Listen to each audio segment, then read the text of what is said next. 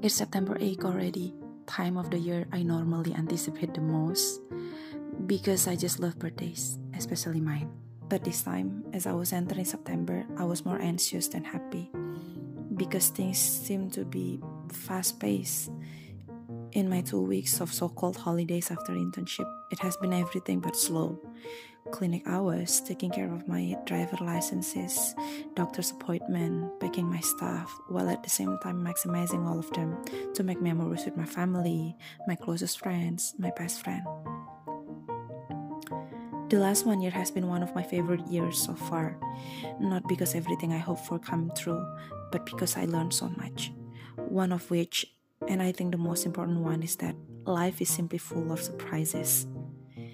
Sebagai orang yang planner, perfeksionis, dan overthinker, aku belajar kalau apa yang Tuhan rencanakan dan apa yang Tuhan siapkan untuk aku itu jauh, jauh, jauh, jauh lebih baik daripada apa yang aku bisa rencanakan.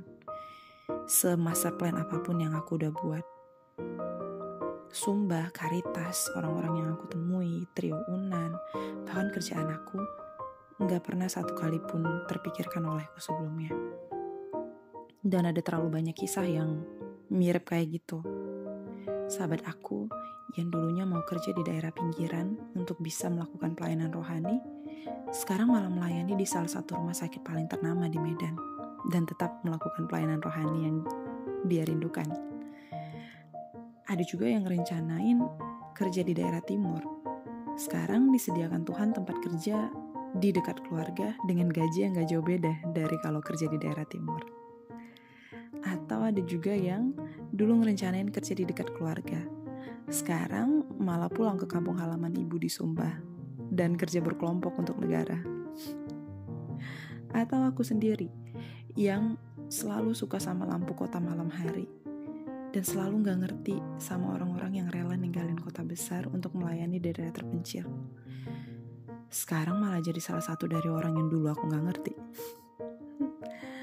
Jadi kayaknya emang kayak yang dibilang Mama Laura, kalau setiap orang punya kaplingnya sendiri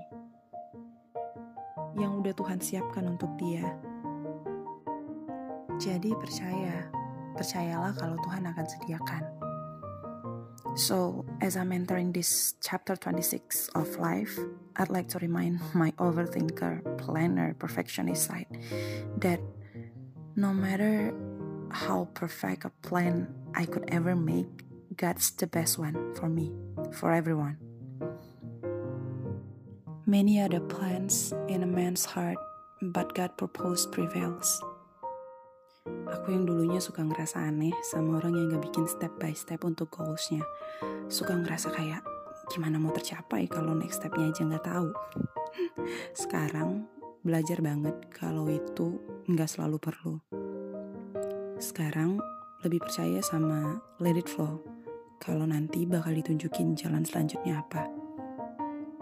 Yang kita perlu itu emang cuma tahu tujuan akhirnya dan mohon dan percaya sama tuntunan Tuhan.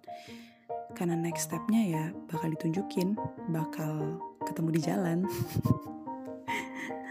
so,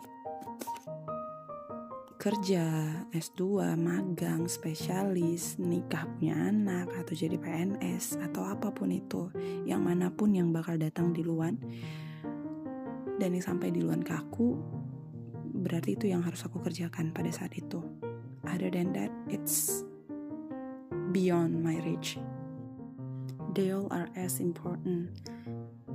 Jadi, yang mana aja yang datang di luar, berarti itu yang dipercayakan untuk aku pada saat itu. So, yeah, welcome 26. Let's unfold all that the universe has for us, shall we?